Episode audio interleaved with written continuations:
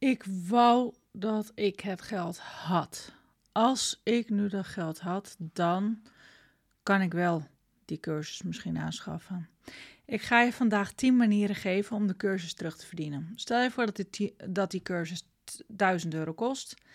Dan geef ik jou een paar manieren daarvoor. Nummer 1. Je zou bijvoorbeeld 40 klanten per week bijvoorbeeld 5 euro extra kunnen rekenen. Of 20 klanten per week waar je 10 euro meer aan gaat berekenen. Manier nummer 2 is dat je gaat focussen op een stukje doorboeken. Want 67% van de salons verliest namelijk ook 67% van zijn klantenbestand. Dus je moet je gaan focussen op dat je 20 klanten gaat doorboeken voor bijvoorbeeld een behandeling van 50 euro. Dat 20 keer 50 is ook 1000 euro. Maar wat je als derde zou kunnen doen, is dat je per jaar anderhalf nieuwe klant maakt die elke drie weken komt en 50 euro besteedt voor een behandeling. Een anderhalf klant is niet zo heel veel. Want heel vaak zijn we geneigd om alleen maar te gaan kijken, ja, maar die ene klant betaalt maar 50 euro. Nee, ze komt elke drie weken, dus dat betekent op een heel jaar gezien dat zij dus iets van een 830 euro bij je besteedt. Vandaar dat ik ook zeg anderhalf klant zal ongeveer rond de 1200 euro zijn.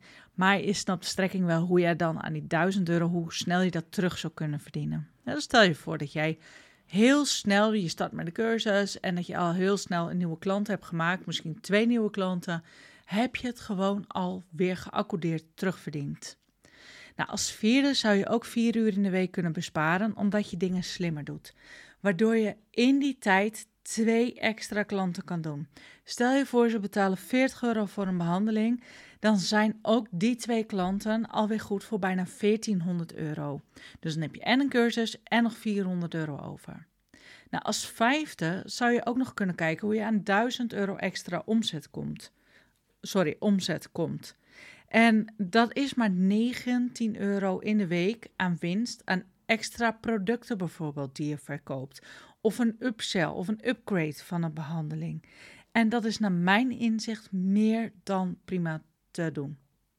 Maar mijn vraag is, waarom doe je dat dan nu niet? Ik weet het antwoord wel. Want je ziet namelijk niet hoe je het moet doen. Je ziet niet wat je moet doen. Nou, er zijn ook nog meer manieren om uh, aan geld te komen. Dus wees ook gewoon lekker creatief.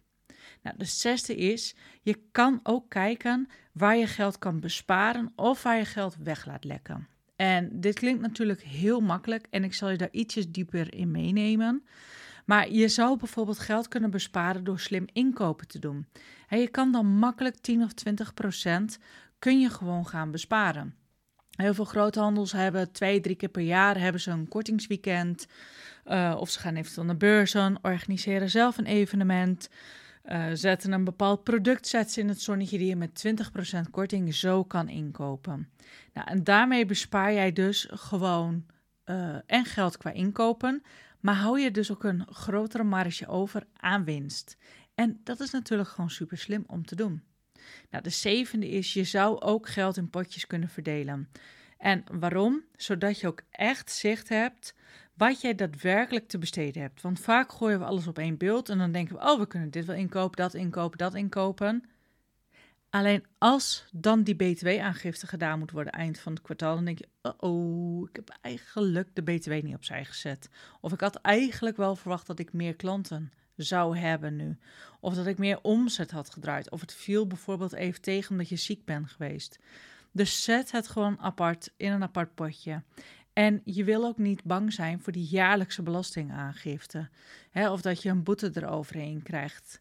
Stel je voor je betaalt te laat, volgens mij betaal je dan 50 euro boete. Dat is gewoon zonde. Dat is weer 50 euro wat je over de balk heen smijt. Dus zorg gewoon dat je het gewoon hebt, dat je het gewoon kan betalen. Weet je, dat, dat stukje btw en belastinggeld, dat was toch al niet van jou. Dus zet het gewoon eventjes opzij. Um, dan de zevende. Sorry, ik heb het volgens mij, ik ben de tel even kwijt. Ik ben bij nummer 7 of ik ben bij nummer 8. Nou, maakt ook niet zoveel uit. De meeste laten ook geld weglekken omdat ze klanten verliezen. En dat komt omdat je gewoon geen klantreis hebt, er nog nooit van hebt gehoord. Of je genereert een slechte ervaring voor een klant. Een klant wil namelijk maar één ding: die wil gefaciliteerd worden. Dat je met haar meedenkt en voor haar zorgt. Dat je meehelpt en echt luistert. En ik wil je iets meegeven. En dat klinkt een beetje gekscherend, maar je hebt twee oren en één mond. Gebruik die alsjeblieft nou ook eens naar verhouding. Ik zie in zoveel salons en met zoveel stylisten, en ik heb me er in het begin ook schuldig aan gemaakt, dat je continu je mond los hebt, continu aan de klets bent. En dat is hartstikke gezellig, maar je moet gaan leren luisteren naar wat de klant je vertelt. Leren luisteren tussen de regels door waar haar behoefte ligt, waar haar wensen zijn en waar je op in kan springen. En dat kan niet als je constant je mond los hebt. Nou, is ook gelijk een heel mooi bruggetje naar werken ze wat sneller door in de salon. Want je mag prima praten in de salon. Maar als bijvoorbeeld stylisten zijnde, is het oké dat je een klant niet aankijkt tijdens het praten. Want als je haar aankijkt, stop jij met werken. En hou het nog maar eens een keertje bij. Je kan hier echt makkelijk, minimaal, denk ik, wel een kwartier besparen. En eigenlijk moet ik ook corrigeren, ik denk het niet. Want toen ik daarmee gestopt ben, toen ben ik echt minimaal een kwartier heb ik bespaard. En stel je voor dat je nou vier klanten op een dag hebt. Nee, wacht, doe anders. Stel je, hebt, je bent een uur en een kwartier bezig met nagels. Um, ja, een uur en een kwartier, dat sommetje maak ik. En je zou een kwartier besparen. Dan ben je een uurtje klaar, toch? Dan heb je een kwartier bespaard. Nou, als je vier klanten op een dag hebt, zou je dus in diezelfde tijd dus een vijfde klant erbij kunnen doen. Heb je dus ook alweer extra geld. En als coach kijk ik dus hier ook altijd met jou mee. En het gaat niet alleen maar om meer klanten binnentrekken, niet alleen maar om geld laten binnenstromen. Ik wil je graag het complete geheel laten zien. Aan welke knoppen jij kan draaien. Ehm, onbewust gedrag waar je bewust van mag gaan worden. Ik nodig je daar allemaal tot uit. Nou, de negende is, je laat ook geld weglekken omdat je denkt dat je geen goede verkoper bent. Um, dat je klant bijvoorbeeld zelf maar dat potje moet pakken. Want ja, je hebt toch gezegd dat ze nagelriemolie moet gebruiken. Dan kan ze er toch zelf wel om vragen. Nee, zo werkt het niet. Je moet het haar gewoon vragen. En er zijn ook een heleboel die denken: ja, maar mijn klant kan het niet betalen of ze wil het niet betalen. En wees heel voorzichtig met het doen van aannames. Want het schaadt je business echt. En het is niet netjes tegenover de klant. Want het kan maar zo zijn dat iemand niet veel aandacht besteedt aan haar make-up, kleding, uh, uh, misschien ook haar haar niet zo super netjes heeft, maar dat ze ondertussen wel in een kast van een woning woont en de nieuwste Mercedes rijdt. En ik wil niet gaan generaliseren, maar je snapt wel de strekking van deze boodschap. Dus vraag gewoon of ze dat potje nagelriemolie mee wil hebben. Vraag of ze die potje crème mee wil hebben. De klant is prima in staat om zelf nee te zeggen. En het is nou ook niet zo als jij dat potje aanbiedt dat jij een pistool tegen haar hoofd kan zetten. Maar weet je, eigenlijk zit er stiekem iets anders achter. Misschien iets waar je nog niet bewust van, van was, of misschien wel iets waar je toch al wel wist, maar eigenlijk niet heel veel mee wilde doen. Want je bent eigenlijk bang afgewezen te worden. Die nee, weet je, die verschrikkelijke nee, die wij echt zo persoonlijk opvatten. En je voelt je ook snel persoonlijk aangevallen. Oh, wat heb ik niet goed gedaan? Ben ik niet aardig genoeg geweest? Is het niet goed genoeg? Heb ik het niet goed uitgelegd? Nou, dan gaat die hele ratelmachine die gaat dan helemaal aan. En onze ego die wil altijd en alle tijden zien te voorkomen dat jij je persoonlijk aangevallen voelt. En daarom vertelt hij jou dat jij een slechte verkoper bent. En als je wel twijfelt, hè, je voelt je dus niet persoonlijk afgewezen, ehm, je bent ook niet bang voor die nee, maar stel je voor je twijfelt toch waarom je verkoop niet doet.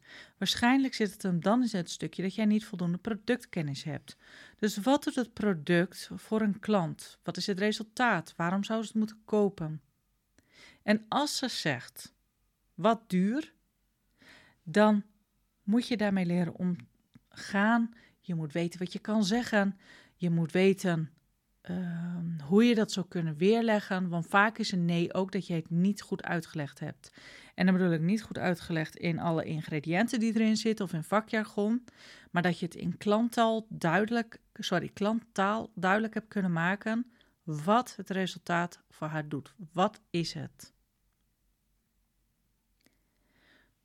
Dus als jij nu nog steeds denkt, ik wou dat ik het geld had, Je hebt het al, lief schat. Alleen je laat het door je vingers glippen. En mijn laatste advies is dus ook echt: werk aan je mindset en ook eventueel aan je geldissues. En wil jij nu bij jou weten waar het lekt? Plan dan gewoon een gratis salonanalysegesprek in. We babbelen gewoon even een half uurtje erover en jij bent daarna echt een stuk wijzer. Dus waar laat jij geld liggen? En als je er nu al achter bent gekomen, zou het super leuk zijn als jij even een privébericht stuurt naar mij op Instagram, naar Top Salon Academy. En dat is top, laagstreep salon, laagstreep academy. En academy is met een Y. Heel veel plezier met uh, deze opdracht die ik je meegeef. Dus waar laat je het geld liggen? En ik, ik wil zeggen, ik zie je bij de volgende aflevering. Maar je hoort me bij de volgende aflevering.